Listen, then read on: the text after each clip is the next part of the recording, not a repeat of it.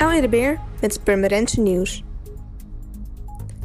In de afgelopen twee weken zijn er drie drugswoningen gesloten. Vorige week was het al twee keer raak en afgelopen maandag moest burgemeester Baal wederom een drugswoning sluiten. Deze keer voor maar liefst negen maanden. In de woning aan Springfontein in de Weide Venne was alleen zijn hennepkwekerij gevonden en dat betekende destijds al een sluiting van drie maanden. Een dag later ging er weer een pand voor drie maanden dicht. Afgelopen maandag ging het om een pand aan de Kantenkoogweg waar een hennepkwekerij werd aangetroffen. Wie na de feestdagen wil parkeren op de tijdelijke parkeerterreinen in het Wagenweggebied in Purmerend betaalt ervoor het goedkope tarief van 1 euro per uur.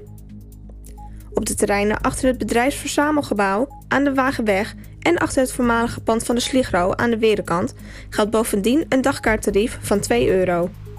Momenteel kan in verband met de feestdagen gratis worden geparkeerd.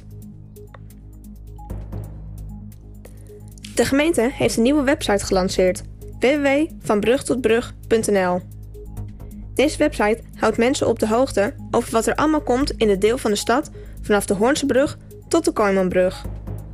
De komende jaren transformeert een flink deel van de stad.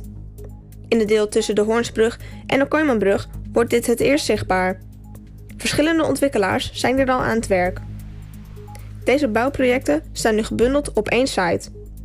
Het gaat om de projecten Lawyers, Brandjesoever, PostNL en Wagenweg 9. Voor meer nieuws, kijk of luister je natuurlijk naar RTV Permanent, volg je onze socials of ga je naar rtvpermanent.nl.